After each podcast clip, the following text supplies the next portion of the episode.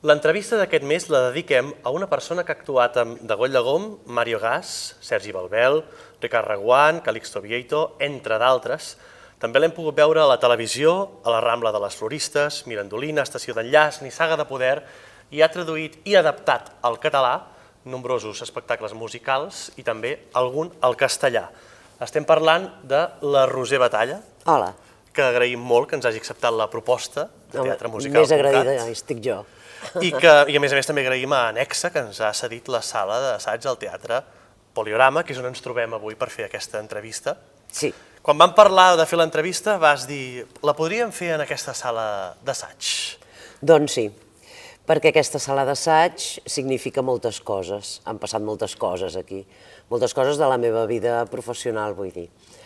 Eh, Aquí vaig assajar, per exemple, els dos últims espectacles que he fet, que van ser, bueno, de fet, està sent el Sototeràpia i va ser el Florido Pensil, i aquí també mm, vam assajar la, la tornada al Gronholm després del Teatre Nacional i les posteriors tornades que vam fer. I aquí hem fet moltes festes d'estrena i, i he vist assajos d'altres espectacles. Per mi el Poliorama és un, és un teatre molt estimat. Eh, En aquest teatre també vaig conèixer en Sondheim. Ara anava a dir, en aquesta dir- sala, la trepitjada Stephen Sondheim. la, la trepitjada, sí, sí. I vaja, per això vaig dir, "No, potser la sala. Doncs fem un, un viatge en el, en el temps i d'on, com neix la, la, la dèria de fer teatre, aquest verí del teatre? Doncs mira, jo vaig tenir la sort que a la meva escola, jo anava a escola a Sant Andreu, perquè jo vaig néixer en una part de Sant Andreu que ara ja no és Sant Andreu, que és Nou Barris, que és mm, Fabra i Puig per sobre de Meridiana. I vaig anar a escola a Sant Andreu, Sant Andreu, al carrer Neopàtria, a una escola que era molt petita, era d'una sola línia, i allà un dels membres de l'associació de pares va proposar fer classes de teatre dintre de l'horari escolar, els divendres a la tarda, com a tast, per dir, mm, jo m'encarregaré de dos cursos, són els que tenen eh, 11, 12 i 12, 13 o 12, 13, 13, 14, o sigui, els de, els de setè i, i vuitè. I bé, jo era a setè en aquell moment i la primera, el primer dia em vaig passar fatal perquè jo era molt tímida. De fet, ho soc molt, m'ho he treballat molt perquè no ho semblo gens de tímida, ja ho sé, ja ho sé. Però ho soc molt i era no, no, no, no, jo no vull, jo no vull, jo no vull. I ell em va anar insistint i al final, doncs, bé, em va començar a agafar el, el coquet. Quan vaig acabar eh, i me'n vaig anar a estudiar a BUP, allà no es feia res. I llavors un dia em va trucar i em va dir, escolta'm, tu voldries fer una cosa de, de teatre? Dic, com a, sí, diu, mira, t'enviaré una obra, te la llegeixes a veure què. Jo havia fet presentacions per les obres dels pares i mares. Havia arribat a fer presentacions jo. I, I vaig pensar, deu voler que escrigui una presentació i em va passar el prometatge de Chekhov. Em va entusiasmar. Vaig dir, quina obra més divertida, quin... I em va dir, vols fer la Natasha? Dic, sí. I ja està. A partir d'aquí ja vaig entrar a l'Ou-Nou. al món del teatre. Sí. I hem vist també la Roser en molts espectacles de teatre musical. La part del cant, com neix? De, Sobre professionalment, de casualitat. Jo havia cantat sempre a casa, havia cantat amb ma germana i cantàvem allò, tot, tot el que ens queia a les mans. I llavors ella feia melodia, jo feia veus, m'agradava molt fer veus, i de casualitat, professionalment de casualitat, amb les proves del Mikado, que no, que no em van agafar, tothom es va presentar a les proves de, del Mikado, però després, quan la Teresa Vallicrosa va deixar la companyia, um, van fer una repesca de tota la gent que havia quedat fora. I llavors jo ja em sabia el Mikado, em sabia les veus, m'ho sabia tot. I... I abans que passés això del Mikado, però, te'n vas anar a estudiar teatre a l'Institut del del Teatre. Teatre. Vaig Com, entrar. com recordes aquella, aquella època de- d'estudiar teatre? Va estar molt bé, molt bé, jo m'ho vaig passar molt bé. A més va ser molt curiós perquè era l'any, eh, no recordo l'any, quin any era? L'any 83. Era l'any 83 i mm, per la tele feien una, una sèrie que havia sortit com a spin-off d'una pel·lícula que es deia Fama, Sí. i feien la, la sèrie. I aquell any es va presentar tothom a l'Institut del Teatre. Jo recordo unes cues immenses de gent. Clar, allò que deia, la fama cuesta, no? Sí, allò de la fama cuesta. I es va presentar moltíssima gent. I anaven fent criba, clar, eren dues setmanes de, de proves, matí i tarda.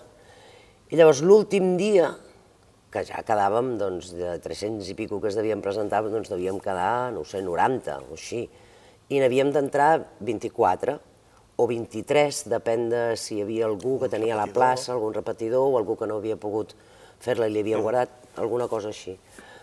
De, quan, quan es van acabar totes les proves, el divendres a, al vespre, van dir que sortirien immediatament. I nosaltres vam dir uns quants, vam dir, vam, anem a sopar, bueno, uns quants. Vam anar a sopar molts, vam anar com 30 persones a sopar. Entre les 30 persones hi havia tots els que vam entrar. O sigui, imagina't, ja vam ser un grup consolidat, gent que ens acabàvem de conèixer. Vull dir, gent que sí que portaves dues setmanes treballant amb ells perquè eren del teu grup, però gent que només havies vist els últims dos dies presentant el seu monòleg. I allà, mm, o sigui, quan vam anar a recollir les notes, bé, bueno, les notes, la- l'entrada o no Sí. entrada, doncs, clar, de sobte, hi érem tots. I va ser molt, molt, molt especial, ja només començar. I just acabar l'institut, o durant l'institut, allò que havies dit, entres a la U9, Sí, no? que era, diguem-ne, és, és un forn d'actors, allò sem sembla, perquè llegint això, una entrevista amb el Manacolotxa era... Ostres, jo allà, 9 vaig entrar abans. allà hi havia molta gent no? de, que, que s'ha acabat dedicant professionalment Sí, sí, sí, sí. al món de l'espectacle, al teatre. El Benacolotxa, la, la Carme Abril, que ja s'hi dedicava, el Norbert Ibero, eh, un gran actor que ja no és entre nosaltres, en Joe Forga, que tampoc està entre nosaltres i també era un grandíssim actor. Gent com, bueno, com tots ells i dirigits pel Joan Bas, que evidentment era professional i en aquells moments penso que era cap de, cap de programes de, De- de de, de TV3. TV3.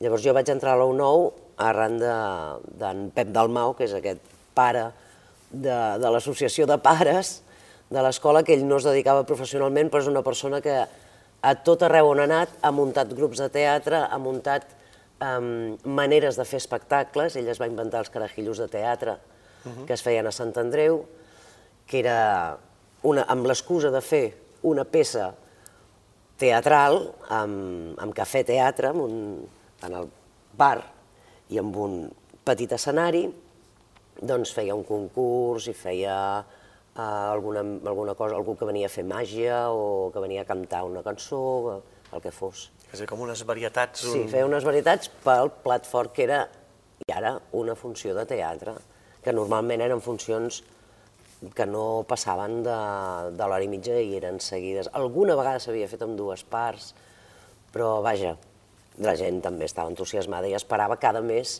perquè això era una mensual. I cada d'aquí mes. i d'aquí també tenia el nom de, de, que havíem parlat del Teatre del Nord de Barcelona, que era el TNC. El TNC era l'Ou9 abans de ser l'Ou9, sí. És curiós aquestes, molt curiós. eh, aquestes eh, cicles, no? com, Sí. com han canviat al llarg del, del temps. I amb això, per tant, estàs acabant l'institut, eh, estàs fent teatre, i de cop i volta, el 86, reps aquella trucada, Aquella trucada. de l'Anna Rosa, Sí. que primer va ser que no i després va ser que sí. va ser que sí. I quan entres a, a formar Amb un part... any i pico de diferència va ser, clar. Quan, I quan entres a formar part d'un muntatge, això que anava a dir ara, d'èxit, és a dir, el Mikado, est- s'estava ja representant, Sí, se n'havia d'anar de gira, uau, la, la, la, després de quedar-te muda al telèfon de l'Anna Rosa, com, com, com t'ho vas agafar? Tenia tanta il·lusió per fer-ho que és que gairebé no recordo, o sigui, per mi aquells dies d'anar a provar vestuaris, d'anar a provar cançons, a, de- d'aprendre'm d'aprendre'm, bueno, les cançons ja me les, ja me les havia après, però de corregir coses de, de segones veus que jo tenia una nota per una altra, que dius, dintre del, dintre de l'acord, no? però no, has de fer aquesta, has de fer la... Ah, molt bé.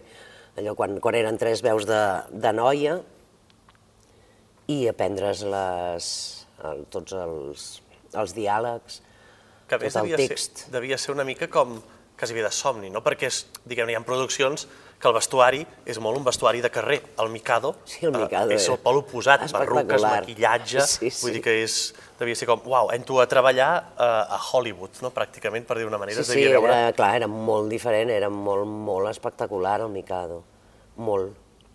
un espectacle d'èxit, a més, et va tocar fer la gira, no? Per tant, era com, Sí, sí, "Avui sí. coneixo Jo em- Catalunya... Em, vaig batejar amb nou mesos de gira. Per això després, quan, quan les funcions tenen llarg recorregut, per mi és com, eh, com, com en els vells temps.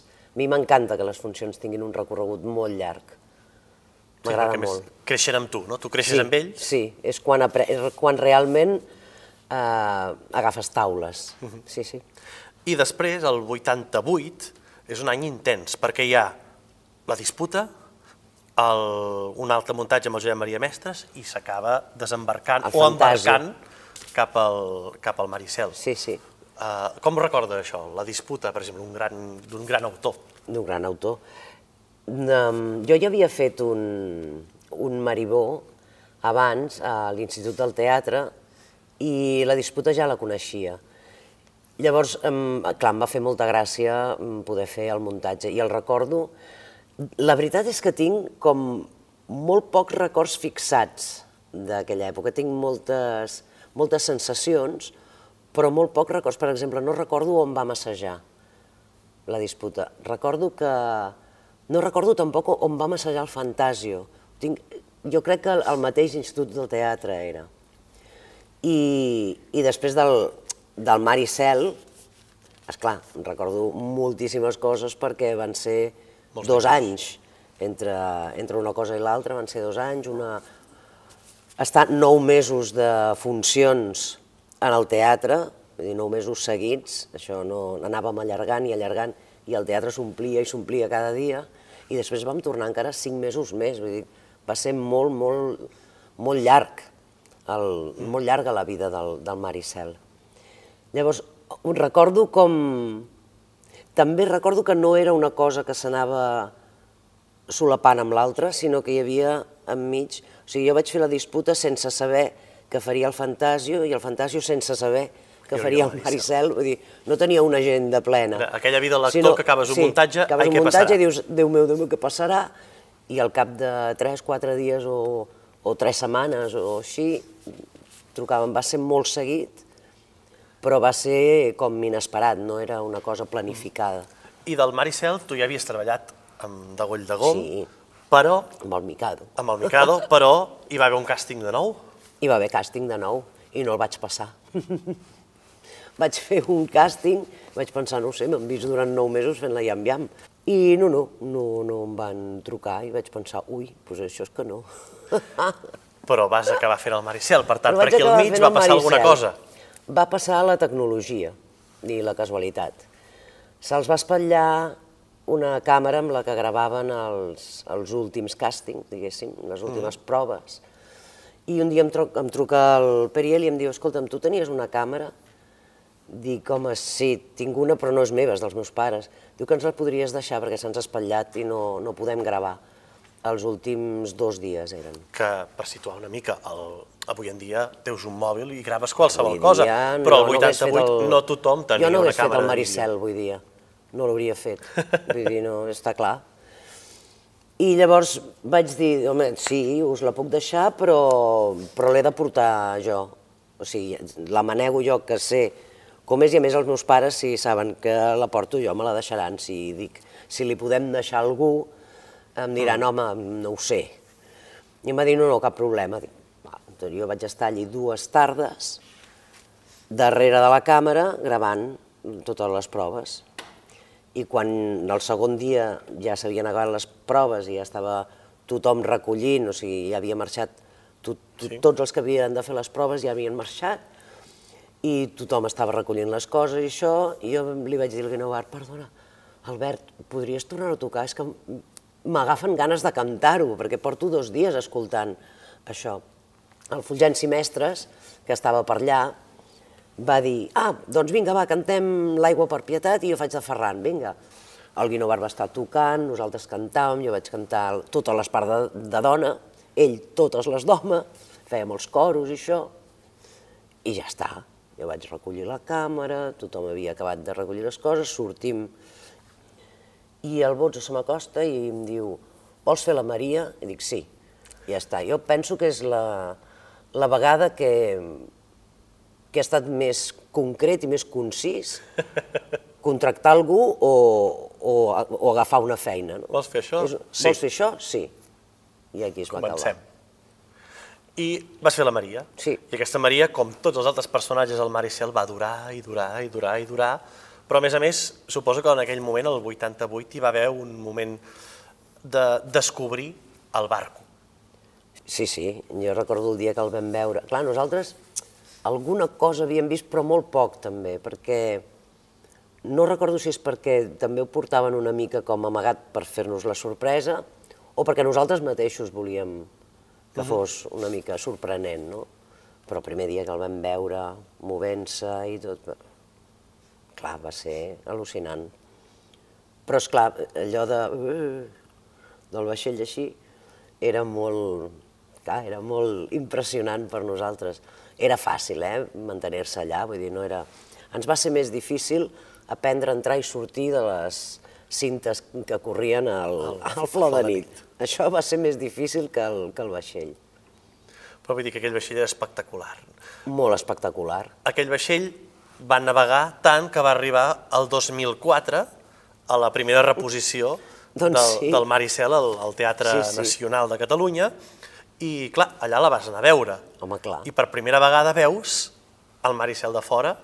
I com es viu això de, que potser passa poques vegades de dir he viscut molt intensament i molts anys aquest muntatge des de dintre i ara el visc com a espectador. Clar, va ser... És molt curiós, és molt curiós. O sigui, ho vas a veure, tu saps tot. Saps les entrades i les sortides.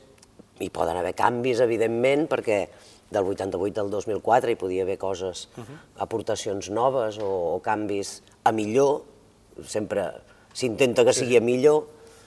Però, vaja, jo no recordo que hi hagués una cosa que digués ah, ostres, això no, no ho fèiem així nosaltres, no era així. No, no, era un, No, no, a més hi vam anar uns quants, vull dir que era molt graciós, a més estàvem força a prop i ens miràvem. Intentàvem no fer gaire soroll tampoc, però clar, ens és, és agafaven. emocionant, no?, veure allò... Sí. A mi em, em, em recorda una mica, no és el mateix, eh? però quan estàvem fent el Gronholm ens van convidar a veure Il Mètodo, Gronholm, a Roma. I llavors hi vam anar, i érem, érem també tots quatre asseguts allà. Clar, ens ho sabíem tot i ho anàvem veient completament diferent, això sí que era completament diferent el muntatge, i a nosaltres ens feien gràcia coses que el públic pensava què arriben aquests, perquè eren pauses que feien ells que nosaltres no fèiem, o al revés. Allò, saps? Allò, mm, moments que nosaltres teníem una pausa, ells no la feien, llavors això ens feia molta gràcia. El barco, el 88 es va acabar, al cap de dos anys, Al 90, sí. i el 91 hi ha un altre espectacle musical, petit, però un clàssic també de, de Broadway, que és l'Snoopy. Snoopy. No? Com s'arriba a l'Snoopy? Doncs hi ha, hi ha dues, dues vessants de, de l'Snoopy, de com vaig arribar-hi. Una va ser que em, em va trucar el Reguant, i a més va ser molt curiós perquè a nosaltres ens havien deixat pagat, diguéssim, els de, els, els de Goll de Gom després de Maricel, ens van dir, teniu, podeu anar a, a la perruqueria, que us facin el que vulgueu, perquè porteu dos anys pentinats de la mateixa manera. Jo, per exemple, portava tot aquell cabell així Sí. que semblava una menina, i és clar, al cap de dos anys ja se m'havien recremat totes les puntes i tot, tot. I jo vaig anar a la perruqueria i dic, no sé, sanejar-lo. Jo el portava per aquí, el cabell, me'l van deixar per aquí. Sanejar van, ser dos pams, no? De, fora, fora, fora, fora, fora. I llavors, de sobte dic, i em podries posar, no sé, no sé un color vermellós o, o vermell? ja, que no sigui vermell, vermell d'aquell de tinte, però que sigui com reflexos vermells i això, mm, entre taronja i vermell. I sí, m'ho van posar d'aquests que se'n van al cap de res, eh? amb rentades i això, per provar. Em van retallar per aquí, em van fer una mica de serrell i em van posar aquell color. I el, no sé si va ser aquella mateixa tarda o l'endemà, em truca el Reguant i em diu, mira, que vull muntar l'Snoopy i he pensat que podries fer la Peppermint Patty. I dic, doncs no t'ho creuràs, però ja porto el pentinat. De fet, va ser això. Llavors li vaig dir, dic, home, de deixa'm que m'ho pensi. No li vaig dir perquè de goll de goma estava muntant una cosa, però vaig dir, mm, et dic demà alguna cosa. I, i vaig trucar al Periel per dir, escolta'm, les proves aquestes de, del flor de nit i tal, dic, a mi m'agradaria provar la rosa, perquè sé que està com, encara no està escrit. S'havien fet proves, per fer, proves a, a autors, a compositors, uh -huh. per fer el flor de nit. I, I jo havia cantat un parell de temes que havia composat en Casa Damunt que també havia treballat. Jo, de fet, el Casademunt el vaig conèixer a la gira del Mikado. Ell era el que portava, sí. era el director de l'orquestra. Molt jove era també, érem, llavors érem molt joves amb el Mikado. El Fulgenci i jo teníem 21 anys i el Casademunt potser tenia 22, però 23, no era més gran, no? I llavors eh, jo havia fet aquests, aquestes cançons, però no m'havien dit res d'anar a provar res de, del Guinovar que ja l'havien agafat. I el Miquel em va dir, no, no, no, és que el Botzo vol que ho faci la Carme, això, això ho té claríssim, claríssim. Dic, home, no fareu ni proves de veritat, o sigui, vaig dir, doncs, és que si no em voleu ni fer proves, jo, clar, aniré a fer una altra cosa. Vaig pensar, me'n vaig a fer l'Snoopy. Dic, deixo reposar això, vale, ja he estat a de Goll de Gom, Mikado i Maricel, ja, i que ara me'n vaig a fer musical en un altre lloc, perquè no havia fet musical si no era amb ells. Bé, de fet, sí, havia fet un retaule del flautista que no es pot sí. considerar un musical, és una obra amb cançons, eh, amb Blau Nou, exacte, abans. però vaja, no, no havia fet res més. Bueno, sí, i la Pau retorna a Atenes, que també exacte, és un, un altre clàssic d'aquests catalans, fet. que ha fet molts grups de teatre amateurs, no? Ah, exacte. exacte. I també, també era amb, amb Blau Nou. I llavors, doncs, me'n vaig anar a fer l'Snoopy. I també una casualitat, aquesta vegada no va ser de tecnologia, va ser de construcció, el món de la construcció. El Victòria s'estava remodelant i van trigar molt més en remodelar-lo del, del que es pensaven.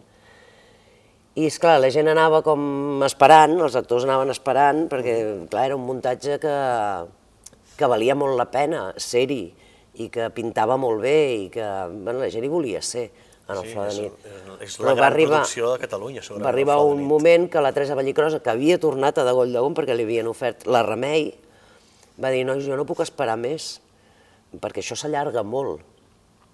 I va dir que, que ho sentia molt, però que, que esclar, vull dir, no pots anar esperant. Si et guanyes les garrofes per una altra banda i vas fent, mira, però si arriba un moment que dius he de decidir i t'ofereixen una cosa no recordo quin muntatge va anar a fer, però era amb en, Mario, amb, amb, amb en Mario, Gas. Amb en Mario Gas. I va marxar, llavors el Bots em va trucar, directament, per sí fer la, la remei. La remei. És a dir, que han sigut unes contractacions del Maricel i Flor de Nit ràpides. Sí. De fet, entre que el Bots em va trucar i em va dir si volia fer la remei fins a començar els assajos, encara va passar un temps. Jo vaig acabar de fer l'Snoopy i llavors, quan l'Snoopy es va acabar al Teatre Goya, ja vaig uh -huh. començar a assajar, però encara hi va haver com uns dies de descans. Jo vaig poder fer una mica de vacances, sí. I del Flor de Nit, com has dit, quan et diuen Flor de Nit, personatge femení, et ve al cap la Rosa, però la Remei era, és la que porta la Rosa a treballar. Sí, sí la Rosa començava el Flor de Nit, o sigui, començava tota la seva història com a Flor de Nit, gràcies a la, a la Remei. I la periodista és la que punxa en Reinals quan és gran perquè expliqui tota la història. És la que el localitza en el moment que estan dient que s'enderroca aquell local i tot això, el localitzen en un lloc i no sap qui és, li sona, però no sap qui és, una periodista que, que està començant i que, i que no sap sí. gaire cosa, i el del Reinals primer li diu, ai, que no sabeu res, i va, t'ho explico. A més, al Flor de nit ja hi tenies un, un tema, que era el Sí filla, que crec que això és un tema ja de manual d'interpretació d'actriu de teatre musical a, a Catalunya. Home, jo suposo que en algun muntatge, si es fa només cantat, mm, hauria de funcionar. Perquè està ben escrit. El que passa és que a mi m'agrada que, que els temes tinguin moviment, tinguin acció, tinguin coses, i llavors l'acció aquella de preparar-li un ou amb, amb vi i sucre, era, estava molt ben trobat, allò. I a més a més, a part d'això, també els dos personatges eren molt diferents a nivell de lèxic i d'accent. La Remei sí. tenia un accent la més, Remei era xava. Més barceloní sí, i la periodista tenia un, un, un estàndard, la no? La periodista tenia un estàndard, sí. Per tant, hi havia un, un treball important d'actriu. Sí. No només de cantant, de, de, de, de jo coreografies. Sempre, jo sempre he estat actriu. Jo he estat una actriu que ha ballat i ha cantat, però no, no em considero cantant ni em considero ballarina perquè no ho sóc. Sempre he estat actriu. I encara. Encara, encara ho seré, no? I encara ho seré, sí. I després del, del Flor de nit, aquest espectacle que sempre diem que és un dels top tens de, de Catalunya, que va arruïnar de Goll de Gom, hi va haver un remake, no? unes historietes sí. que, que van celebrar els 20 anys del, el de Gollogom, que es van estar al Teatre Grec, que van fer una llarga gira i que llavors van I... arribar fins al Teatre Victòria, que aquí llavors Exacte. la Roser se'n va anar. Sí. Però entre l'Historietes i el Flor de nit vaig fer un monòleg, que tenia un títol molt llarg, que es deia Un ratolí, un gat, un canari i una boa dins l'armari de Rena Llucot. Era molt llarg el títol. Això ho va escriure el Raül Contel i ho va dirigir ell també. I m'ho va proposar allò, sense un duro. Jo vaig llegir el monòleg i vaig dir, doncs el vull fer, perquè s'estava acabant el flor de nit i jo no tenia feina. I llavors vaig dir, mm, per estar-me a casa, doncs potser que no m'hi estigui. I llavors eh, semblava que anava a produir un grup de dones, mm, però al final es van fer enrere, però nosaltres ja havíem començat a assajar, llavors vam tirar endavant. S'estava preparant l'historietes i el, en el flor de nit hi havia allò, t'han dit alguna cosa, t'han dit alguna cosa, i sobretot l'Eugeni Soler, que també és un altre actor que ens ha deixat i ens va deixar molt jove i era una meravella d'actor i una meravella de persona, feia, i que era molt conyon, feia molta broma, i em deia, te l'ha agafat, te l'ha agafat, ai, no sé si m'agafarà, feia coses, feia coses així. I llavors, eh, no, no, a mi no em deien res, i jo, Llavors dic, mira, estic assajant, o ja començaré a assajar un monòleg i això, i dic al, al Peril, ja us avisaré, que això ho faig a l'abril, i em diu, no, però si tu estàs a l'historietes, dic, no, jo no estic a l'historietes, no m'heu dit res. Home, però ja ho comptàvem, dic, home, però si ho conteu i no m'ho dieu... Bé, aquelles coses que ells pensaven que jo ja donava per, per suposat que hi seria i jo donava per suposat que m'havien de dir alguna cosa, evidentment, perquè de fet, ningú sabia res, ningú. Jo no sabia dels altres companys, tampoc, igual tampoc ho havien acabat de dir.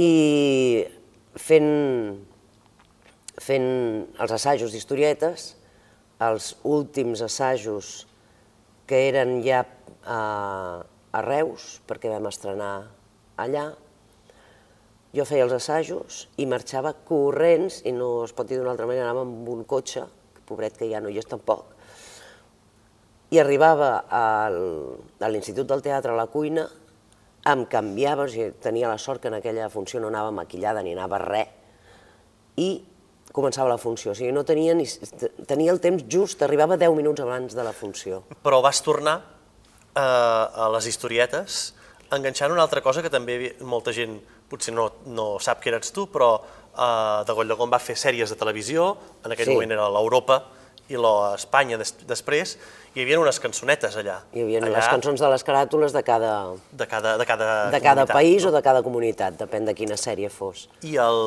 i, estava, i allà algunes d'aquestes era la Roser Batalla, que sí. això llavors es va ajuntar amb les historietes i Europa. Sí, va ser un muntatge d'aquests, historietes molt retallat per la primera part, o sigui, historietes era una funció que durava una hora, tres quarts o dues hores, amb dues parts, i va fer... es va quedar amb una hora, i tota la segona part eren uh, un viatge uh, uh, per tota Europa, portat pel Pep Cruz, que era el que feia monòlegs, allò i anava enllaçant, i coreografies, amb els que havien fet historietes i altres mm, cantants i ballarins mm, i actors allò que, que estaven amb nosaltres. I això, doncs, mira, va ser un, una nit, em van trucar de matinada, que jo tenia una, una maleta preparada per anar-me'n l'endemà, pensava anar a l'estació de Sants i el primer tren que sortís de llarg recorregut agafar-lo. Jo no sabia on anar, mm, vaig pensar, doncs, home, si és un lloc que dius, mm, no, gaire, m'espero. Però si dius, oh, bé, sí, doncs... I em van trucar de matinada i, és clar, sempre t'espantes quan et truquen de matinada, dius, sí, no hi havia mòbils, Exacte, llavors. Exacte, dir, els telèfons no, era, no tenies un WhatsApp al costat. Exacte. I dic, sí, diu Rosa Batalla, i jo, ostres, sí, i le paso con Sisquella. I penso, le paso con... què ha passat? I bueno, l'Anna Rosa em va dir, estem aquí assajant, i la gràcia del Ruste, que era la que havia entrat a fer historietes quan vaig marxar jo, Diu, acaba de tenir un atac de lumbàlgia molt fort que no, i no, no podrà estrenar demà, que ho pots fer tu. Dic, home, Ana Rosa, dic, jo anava a marxar, però clar, evidentment no, no us deixaré penjats. I em fa certa gràcia fer això, també. Jo sóc un bitxo de teatre, vull dir, a mi m'agraden aquestes coses, m'agrada. I vaig aprendre les coreos en una tarda, L'historietes ja m'ho sabia, només havia d'aprendre'm els talls, que això és molt fàcil d'aprendre, uh -huh. és, això, això fora, no? i si no ja tindràs la xuleta allà, no? perquè no vagis amb la inèrcia i la facis tota. I ja està. Mm, les coreos, doncs, matxacar-les molt durant tota la tarda, i al vespre està molt pendent de què fan els del costat i de, si t'equivoques fer-ho amb gràcia. I es va salvar, i es va salvar. Es va salvar, es va salvar. I es va salvar. I ara hem parlat molt de, de, de teatre musical, però també eh, has fet teatre de text, que ja n'hem citat algun, però, però hi ha uns great hits també del teatre de text d'aquest sí. país, si més no, per, per la durada que han tingut a vegades, no? Un d'ells és el Pel davant i pel Home, darrere. Pel davant i pel darrere, sí. Una obra mítica, eh, estimada per, per molta gent a Catalunya, professionals sí, sí, sí. i no professionals.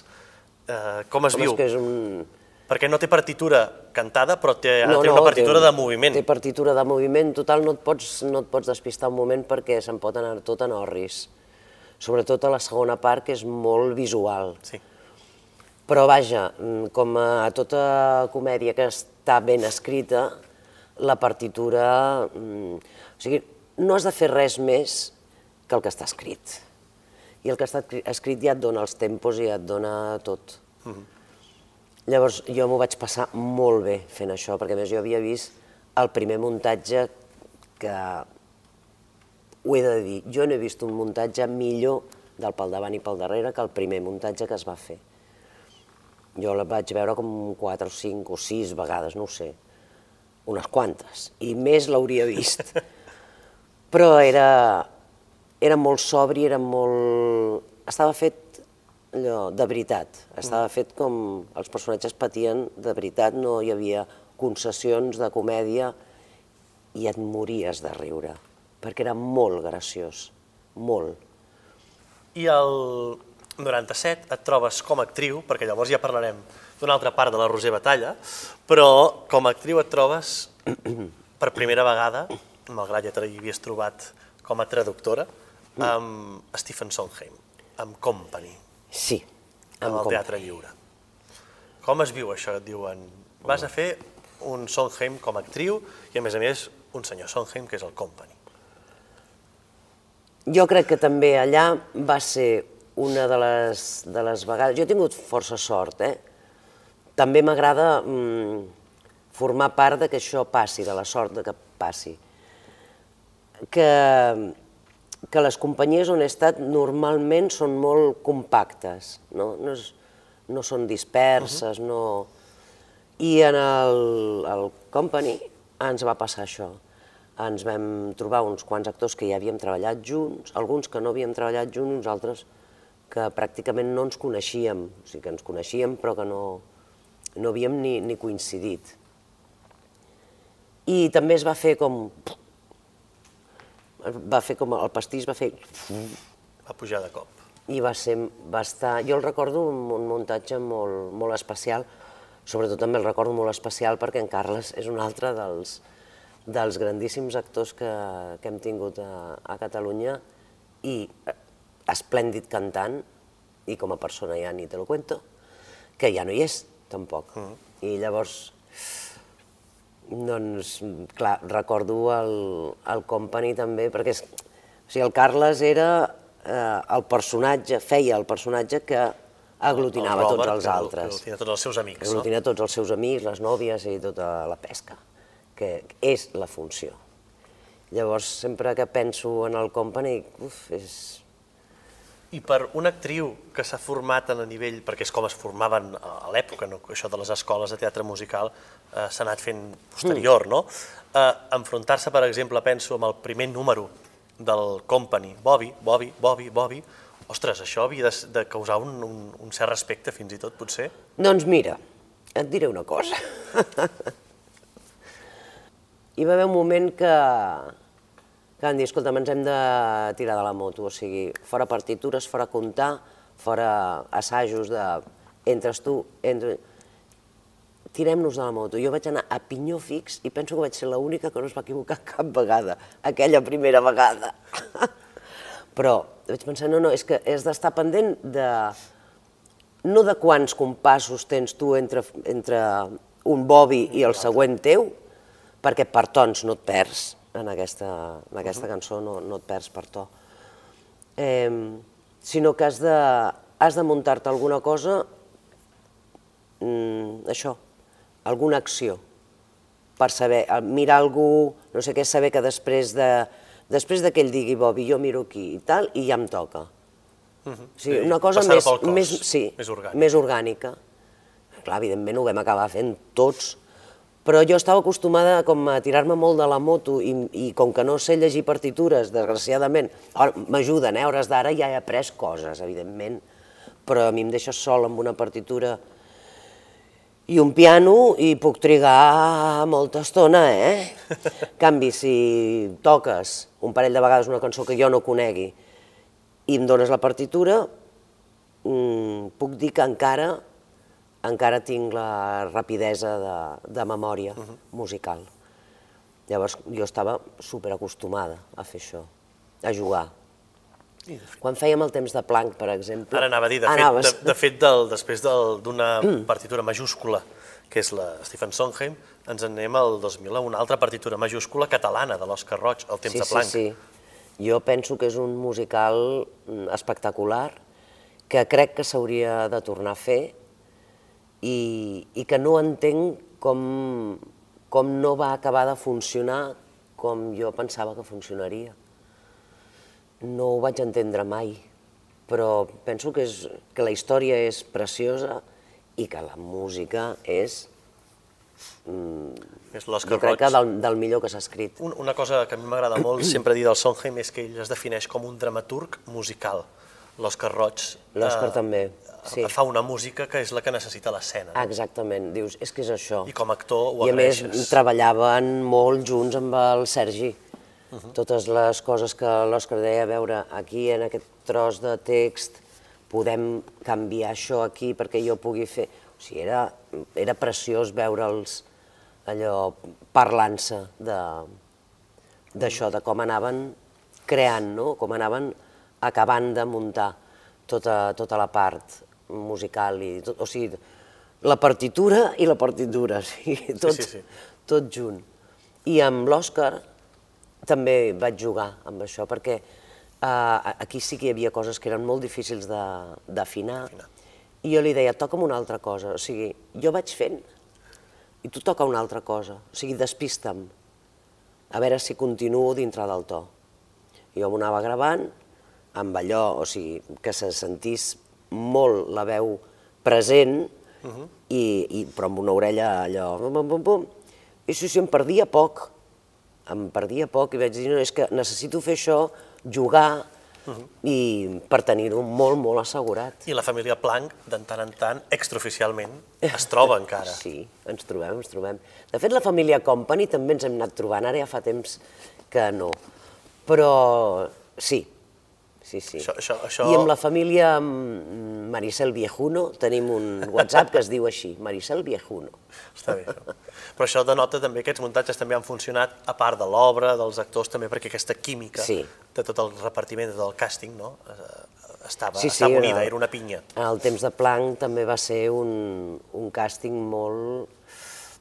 un cast molt, molt homogeni, no? Molt, no perquè tots fóssim iguals, sinó perquè veníem de, de cadascú del seu pare i la seva mare, però vam fer molta pinya i va, va funcionar molt, o sigui, la, la química, jo crec que hi havia química entre tots, entre les germanes, amb el veí, amb els pares, jo crec que hi havia molta química entre tots, sí. I aquesta química es va anar eh, extenent a altres generacions, perquè més o menys fins a aquestes èpoques variava dels muntatges, però la gent que feia teatre musical era una gent eh, concreta, eren uns bojos insensats, jo sempre els hi dic, que gràcies a ells també som, hem arribat on, on estem ara, però es va començar eh, a popularitzar el gènere i per tant, per exemple, el Full Monty, no són maneres de matar una dona, no són muntatges que Sí. has fet, fins i tot el Mamma Mia, aquí hi ha una mescla de generacions. Sí, home, Això clar, vol dir que, que hem anat, que aquestes llavors que es van plantar fa Sí, sí, sí. 40-50 anys endarrere... I ara hi ha han- moltíssima han gent creixit, han molt preparada, molt preparada per fer, per cantar i per ballar i per, i per dir. I, per exemple, d'aquests muntatges que hem dit, eh, el Mamma Mia, per exemple, que, que és un muntatge potser diferent perquè és una franquícia, allò que és, veuràs la, la coreografia, la posada en escena Sí, sí, igual sí, aquí igual. que a Londres, que a Nova York, com, com es treballa? Perquè no, en aquesta manera tampoc hi havies treballat mai, és molt diferent No. o, és, o és exactament el mateix, només que la partitura de moviment ja està escrita? Sí, és clar, tu, la partitura de moviments ja està escrita, el que passa és que nosaltres vam tenir sort amb el, amb el director, o sort, bueno, sort amb el director, perquè era el mateix que ho dirigia tot arreu, i llavors eh, et donava una mica de, també, et deia, tu això com, com ho faries? Amb la part més actoral, eh? més, no, no et marcava tons, ja no, això fes-ho aquí dalt, això fes-ho aquí baix. Evidentment les coreografies totes són iguals, però això és igual. Sí, sí. Tu t'has d'aprendre una coreo, t'és igual aprendre't una coreo que és una franquícia o que ve de nou. No, a no ser que puguis proposar coses que a Montse i jo també vam proposar. Fèiem una sardana. Nosaltres fèiem una sardana al xiquitita, cosa que no s'havia fet enlloc perquè, clar, no s'havia fet enlloc perquè... I van estar una mica reticents, vols dir que funcionarà? Nosaltres vam dir, deixa'ns-ho provar, i si, Si no, no funciona ho traiem i, fem una altra cosa. Bueno, esclar, el primer dia que ens posem així, xiquitita, tirata, pum, pum, pum, pum, clar, tota la gent rient i van dir, és que funciona, dic, esclar, és que és el, això, la, la sardana és el ball d'aquí, és el ball típic, i clar, posar una sardana aquí enmig és molt estrany, fa molta gràcia. que Sí, sí. seria una mica aquesta part que també ara està, es, es comença a fer, que és, és la franquícia, però s'adapta una mica a la Sí. cultura, a, la, Nosaltres- a les peculiaritats de cada país. El director ens va, ens va agafar a les tres amigues, o sigui, la, la Nina, la Montse i jo, el primer dia i va dir, avui anirem a assajar amb vosaltres tres eh, i ningú més, vull dir, i farem, o sigui, farem una, una cosa com d'improvisació, ara teniu 40 o 40 farem com quan éreu allò, quan teníeu 20 anys. I eh, quan us vau conèixer i tot plegat, i nosaltres ens vam mirar, el vam mirar i vam dir, si vols t'ho fem, eh? Però nosaltres ens coneixem des de que tenim 20 anys. I es va quedar també parat, va dir, és la primera vegada que em passa això, que les tres amigues resulta que ho són i que ja tenen bagatge, no? Dic, nosaltres t'ho fem, però ja ens coneixem, ja sabem quan ens mirem i quan això què, què volem dir, vull dir, ja tenim complicitat muntada de, de la vida i la podem aprofitar. I va dir, sí, sí, si us plau, aprofiteu tot. Diu, és la primera vegada que em passa. I vam dir, és que Catalunya és un país molt petit, molt petitó, clar, i aquí ens coneixem tots, qui més qui menys. Sí, sí. I allò que dèiem, teatre de text, també de grans hits, que abans vas dir que l'havies vist, eh, l'havíeu anat la companyia a veure en italià, el Sí, mètode mètode. No? Això és també un altre... Si el Maricel és un fenomen de país, el mètode Graham també es pot considerar un fenomen de país, no? que tot Catalunya ha vist. Sí, bé, l'ha vist tot Catalunya, l'ha vist tot Espanya i l'ha vist pràcticament tota Europa i s'ha vist a Amèrica. Vull dir, mm, el mètode Gronholm s'ha vist en molts llocs i està traduït a molts idiomes. I passa al És revés, que a vegades en musicals que s'han vist a molts llocs arriben a Catalunya. Aquí és l'original cast, L'original cast... és de Catalunya. Sí, sí. I bé, nosaltres només ho vam fer a Catalunya perquè, és clar, a Madrid ho van demanar i ho van muntar allí. Em sembla que van muntat fins i tot dues companyies, una per estar a Madrid i l'altra per fer gira. Uh -huh. nosaltres vam anar a veure els italians, però, vaja, s'ha fet a tot arreu. I una mica com el mètode Graham al principi d'Arquimedes. No? Al principi d'Arquimedes, sí. De, del Miró, Josep Maria Sí, Miró, això també és un altre fenomen. Sí, de fet... Cine, també... Sí, sí, nosaltres vam fer el, el virus de la por. Uh, jo crec que aquí s'ha vist poc en teatre, al principi d'Arquimedes. Vull dir, nosaltres el vam fer a la Sala Beckett, va ser un exitàs. Gent al carrer, gent es va quedar sense veure-ho. Després vam anar a la, a la Villarroel i allà, no sabem per què, no va funcionar tant.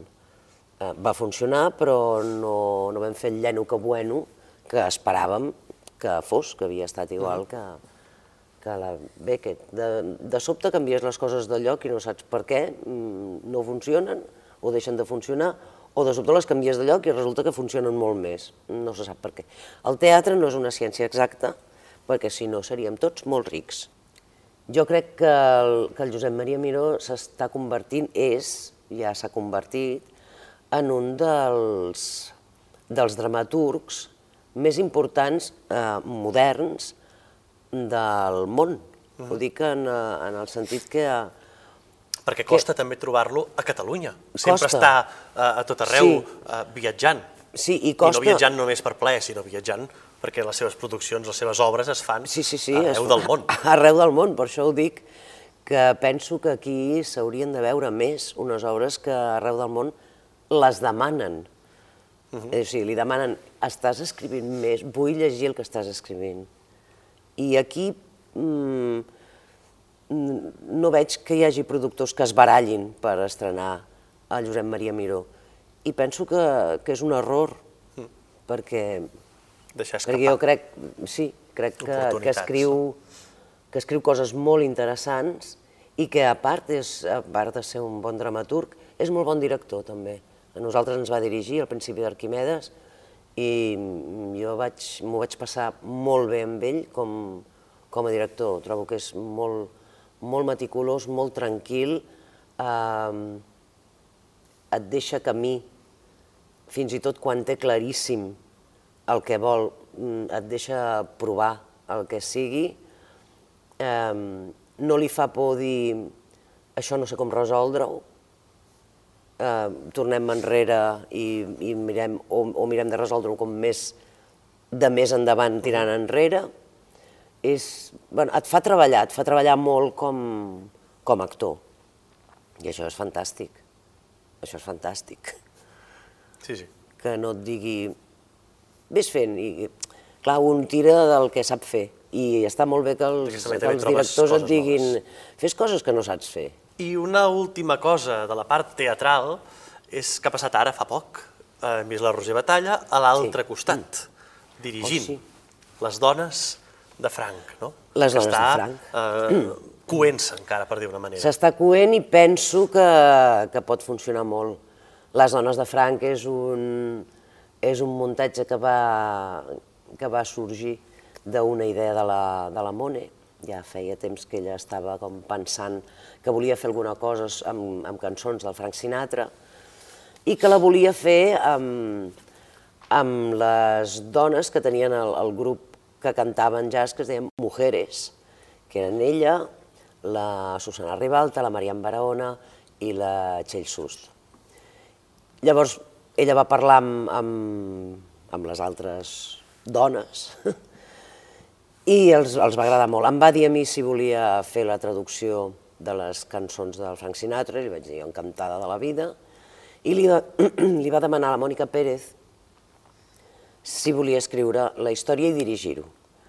La Mònica va escriure una història que està molt bé i no ho va poder dirigir. Jo li havia dit a la Mònica en una de les reunions que havíem fet primeres lectures i això, li havia dit, Mònica, si necessites ajudant de direcció, digue-m'ho perquè ja que estic aquí, uh -huh. ho fem, dic, home, si vols algú en concret no, però si necessites. I llavors em va dir, és que no ho podré dirigir, perquè no ho agafes tu? I vaig dir, home, dic, a veure, una cosa és ajudar algú, l'altra és dirigir-ho, però la, la Mònica me va dir, sí, va, que... I vaig dir, doncs pues va, doncs pues sí, per què no? Jo havia dirigit una cosa ja abans, que em, vaig dirigir el, el Martí, el Jordi Martínez, mm. una cosa que es deia Un roure, el 2007. A mi m'agrada molt dirigir, jo crec que llius de teatre n'he dirigit molts, i m'agrada molt dirigir, però professionalment tampoc és que hagi obert la porta massa vegades. Amb un roure vaig veure-ho claríssim, va ser una funció que vaig anar a veure, eh, que vaig descobrir, no és que anés expressament a veure-la, però a Edimburg l'any 2005, al Festival d'Edimburg, vaig demanar que em recomanessin i em van dir, vés a veure això. Ho vaig anar a veure i vaig sortir tremolant, o sigui, em, em va entusiasmar. I quan vaig venir aquí, doncs, um, vaig, ho vaig proposar, ho vaig coproduir, uh -huh. i, i ho vam fer amb el Jordi Martínez aquí al Capitol, a la sala de dalt. Una de les coses que la Roser no, no l'hem vist, però l'hem sentit per boca de molts actors i de moltes actrius, són les traduccions i adaptacions d'espectacles de teatre musical. I els llegeixo, Todd, Chicago, Gris, A Little Night Music, Conte, Conte de Nadal, Marry Me a Little, Merry Louis Roll Along, eh, d'un taller de l'Institut del Teatre, també un taller de l'Institut del Teatre, l'Into de Boots, T'estimus perfectes, ja et canviaré, Full Monty, Hair, eh, Follies, una barbaritat, una barbaritat de rimes, això vol dir amb el... Eh, amb un soci de traducció, algunes, no? Eh, amb, el, amb el Roger Penya, Exacte. sobretot amb el Roger Penya, i també el d'Estimuts Perfecte, ja et canviaré, ho vaig fer amb l'Anna Ullibarri, que també és una gran traductora. Les traduccions barra adaptacions, eh, el nom ja és ambigu. Què, com, com, què és? És una cosa, és l'altra, és tot? Perquè hi ha el llibret, mm. les cançons, és diferent traduir la part parlada que la part cantada. Sí, és clar. Mira, jo havia estudiat filologia anglesa, quan vaig entrar a l'Institut del Teatre vaig entrar, entrar també a la universitat i mm, no la vaig acabar, però recordo que una, un dels exàmens que ens van fer era un professor que era de fonètica i ens va fer un examen lliure. O sigui, vam arribar allà, ens reparteix els fulls i tot això, veiem que no hi ha cap pregunta i diu escriviu el que vulgueu. I jo vaig escriure una cosa sobre les traduccions. O sigui, el, com el traduir no és només um, traduir el concepte, uh -huh. sinó que si es pot, s'ha d'intentar mantenir al màxim la llargada de les, o sigui, la llargada de les frases, uh, la cadència de les frases, la repetició de sons a dintre de la frase. O sigui, jugar molt perquè, perquè aquella Són cosa... igual en català que, per sí, exemple, que en anglès, no? Perquè aquella cosa que diuen els italians de traduttore, traditore, no sigui tant, no sigui tant. Uh -huh. Evidentment, la... no hi ha res com un original, sobretot si està ben escrit, perquè si no està ben escrit no hi ha res com una bona traducció, també és veritat. Però és curiós perquè en aquell moment jo no havia pensat mai en traduir com una, eh, com una part de la meva professió. Jo havia escrit lletres de petita, doncs això, amb, amb, per músiques que no tenien lletra, doncs, jo què sé, la Guerra de les Galàxies, coses aquestes que, que s'escoltaven llavors, quan, si t'agradava la música, et compraves... Això, igual si algú allò, sent fer el musical de la Guerra de les Galàxies, igual... Fer el musical de la Guerra de les Galàxies, doncs, no arrasa, estaria eh? malament però havia escrit coses, o havia canviat la lletra a, a cançons que ja estaven escrites doncs, per adaptar-la, jo què sé, a un, a un aniversari o a una cosa que volia escriure jo. I després, quan m'he anat trobant amb, amb les possibilitats, amb la possibilitat de poder traduir, doncs, esclar, eh, es, traduir per, per mi eh, és un relaxant, també. Eh, jo quan estic eh, nerviosa, neguitosa, angoixada, estressada, com se li vulgui dir, o trista, m'agrada molt fer coses amb les mans, soc manualitats, soc manetes i soc Black and Decker també, soc, no, no, no, soc allò, dame un mueble que te lo desmonto, o te lo monto. Però també m'agrada fer el mateix amb el cap. I llavors, eh, jo, jo tinc traduccions que no sé si es faran mai, i que tampoc estan senceres ni polides ni això, perquè de moment no es fan, però ho vaig fent. I, i és clar, el fet que et donin una traducció eh, per la vessant professional, clar, dius, és que estic traduint, m'estic relaxant, o sigui, estic treballant però m'estic relaxant. I per mi és... Per mi és això, com, com, fer, com fer ioga per d'altres, suposo. Mm -hmm. I és una feina menys tinguda, la de traduir lletres, perquè, diguem-ne, mm. traduir és, és difícil, vol dir que has de dominar dos idiomes, el lèxic, etc etc. però traduir un text, si domines l'idioma i el lèxic, ja està. Sí. No necessites, entre cometes, gaires armes més. A l'hora de traduir una cançó hi haurà una accentuació, hi haurà unes rimes, eh, a l'hora sí, de traduir teatre... és més complicat, sí, A l'hora de traduir teatre igual el personatge té un lèxic, un, alguna cosa que has de mantenir, es va complicant més, no? Sembla que sigui molt fàcil i que potser s'hi atreveix tothom, però és complicat fer això. Sí, és complicat i crec que es veu, i sobretot... Eh, sobretot en els musicals, clar, quan hi ha accents creuats, quan hi ha rimes que hi havien de ser i no hi són, mm. mira, doncs potser les trobes a faltar, però si està sacrificat mm, perquè s'entengui millor el que dius, doncs mira, passa que t'he vist, no? Però a mi el que no m'agrada, per exemple, és, és tocar la partitura, a no ser que tinguis l'autor amb tu treballant i que llavors eh, sí que es modifiqui. És a dir, afegir notes, afegir notes o treure'n. Sí, sí. I el que no m'agrada gens són els accents creuats, perquè fan que es perdi el, el entendre, de vegades entendre. Per, per qui no s'hi hagi parat a pensar mai, un accent creuat és la música té uns accents, la, el llenguatge en té uns, i seria com si parléssim sí. hola, soc en Toni, no? Sí, que, que hola, sona, soc Antoni. Que, que, soc, que és així de marciano, no? És així de marciano sí. uh, parlar així, però això cantant passa massa sovint. Massa sovint encara. Jo crec que passa cada cop menys. Segurament, però... uh, jo crec que passa cada cop menys en el teatre musical perquè els actors, segurament els directors també, però els, els actors hem estat donant una època molt pesats, per sort, en això sí. de dir, és que m'estàs donant un text que no el puc defensar de cap manera perquè ja no s'entén, no?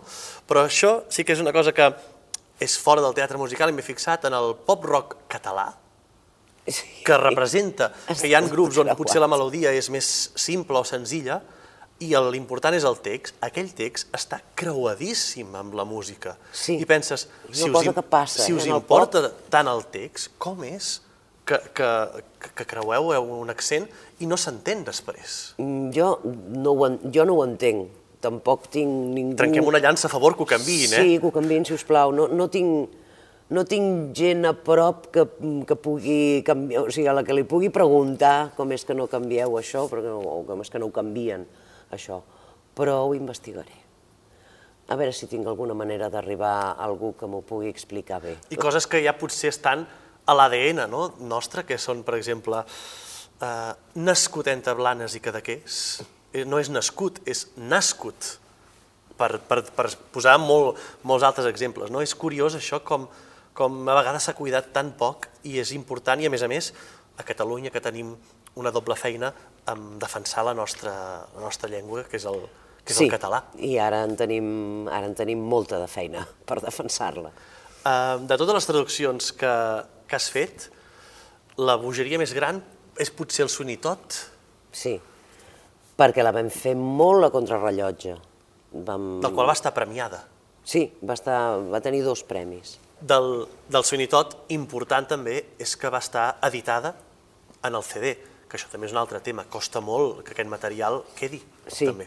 sí perquè és clar, és una, és una inversió i totes les inversions ja sabem que costen molt. Jo, jo ho recordo, jo era molt petit, jo vaig venir aquí sota, al Teatre Poliorama, i recordo, no sé si aquell CD a l'època, que era doble, un doble CD Sí. amb, la, amb el llibret, Amb un, a més, un doble CD així com allargat, allargat, era molt eh, bonic, el qual encara el tinc, de disseny molt eh, maco.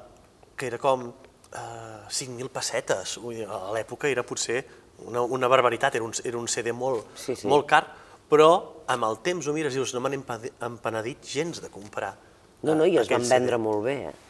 perquè el material era bo, vull dir, el swing i tot, la gent l'acabava de veure i sortia encantada de- d'haver-ho vist i, i amb ganes de veure musicals i se'l compraven perquè, perquè volien Sí, sí. tornar-ho a escoltar. I com recordes la- l'experiència de traduir amb aquestes marxes forçades el, el swing i tot? Doncs mira, jo en aquell moment eh, vivia sola, no tenia fill. Eh, I tenia, feia i desfeia com volia jo, no estava fent funció. I recordo estar tot el dia, tot el dia, des de que em llevava amb els cascos posats, escoltant, escoltant, escoltant, escoltant i escrivint. Tot el que se m'acudia. Me n'anava a dormir i de sobte em despertava i deia, ah, ja ho tinc, pom, pom, pom. I potser m'estava dues hores o tres escrivint i llavors tornava a dormir. I com que no tenia horari, van ser deu dies molt intensos de només haver de fitxar amb un mateix perquè això s'havia d'acabar. I llavors trobar-nos amb el, amb el Roger i anar-nos rebatent les coses, i això que és la part divertida de treballar. I sobretot nosaltres dos riem molt. En equip. Sí, Sí, perquè hi ha aquella cosa que dius, no puc conservar exactament allò que diu, però si ho dic així, conservo l'essència, no? No faig la, la traïció. Sí, sí. la traïció aquesta. I a més traduir Sondheim, Traduir Sondheim, eh, dintre de tot, és, és, més, és allò que dèiem, eh, si la base és bona, ho aguanta. ho aguanta tot. Sí, si la base és bona, em, et, dona, et dona molt de camp, perquè, perquè és molt ple tot, perquè pots dir-ho d'una altra manera, perquè si, és un, si són frases d'aquestes que dius, "I això què em vols dir? Això, diu res. O, sigui, o, o m'invento què vols dir, o aquí li donaré voltes i voltes i voltes a veure què. I ja per anar acabant, és, què seria la cosa més costosa de, de traduir? Costosa. El que, el que costa més? Per exemple, poso algun exemple per si et pot ajudar per la pregunta. Si has de traduir un, un títol d'aquests mítics que sap tothom, Sending the Clowns. Això, costa? això costa, clar.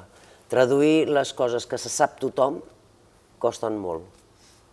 Però vaja, eh, és com les primeres vegades que vam veure cinema en català. Mhm. L'orella s'hi ha d'acostumar. Mm, sí, t'hi has d'acostumar. O com, no sé, les primeres vegades que sents eh, cançons que has sentit tota la vida de pop, per exemple, i, i de sobte les vols, que estan, les vols cantar en castellà o en català, costa molt, perquè tu t'has après Strawberry Fields Forever tota la vida. Sí, sí, i ara ho sents amb una altra fonètica, un altre idioma. Sí. I per ja acabar, última pregunta, abans de la bateria de preguntes ràpides. El... de preguntes ràpides. Valdria la pena que aquestes lletres es conservessin? És a dir, al segle XXI, el 2018, no hi ha un trist llibre de teatre musical en català. Tenim un, un buit. Sí, i tenim un buit, però... Malgrat hi ha moltes escoles, malgrat hi ha molta demanda del gènere, de, de gent que aficionada, i és com, ostres, això, aquest material, se l'acaba emportant el, el vent. Jo crec, crec que hi ha hagut un parell d'intents de, de fer recopilació de totes les lletres que s'hagin escrit en català partint de musicals mm, gairebé tots americans o anglesos, però no sé si han arribat a bon port.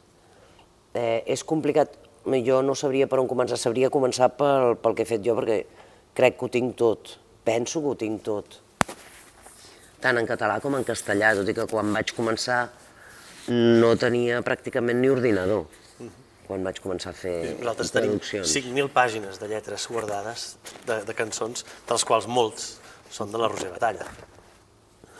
Doncs no ho sé, no sé què s'hauria de fer, però és una molt bona idea i és qüestió doncs, de, de posar-s'hi i de, de dirigir-se no sé a on ben bé, no sé a qui li pot interessar um, que es pugui fer això.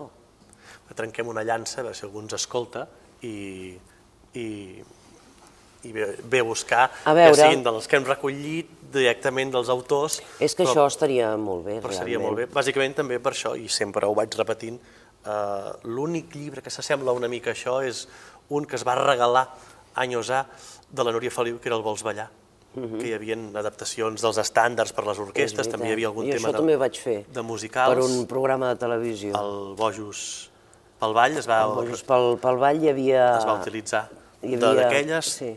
teves, però a part d'això no hi ha cap més llibre de lletres en català. Doncs s'ha de fer. Hauré de bellugar-ho, hauré de preguntar. Haurem de posar, a veure haurem per, de on, posar. per on es pot anar.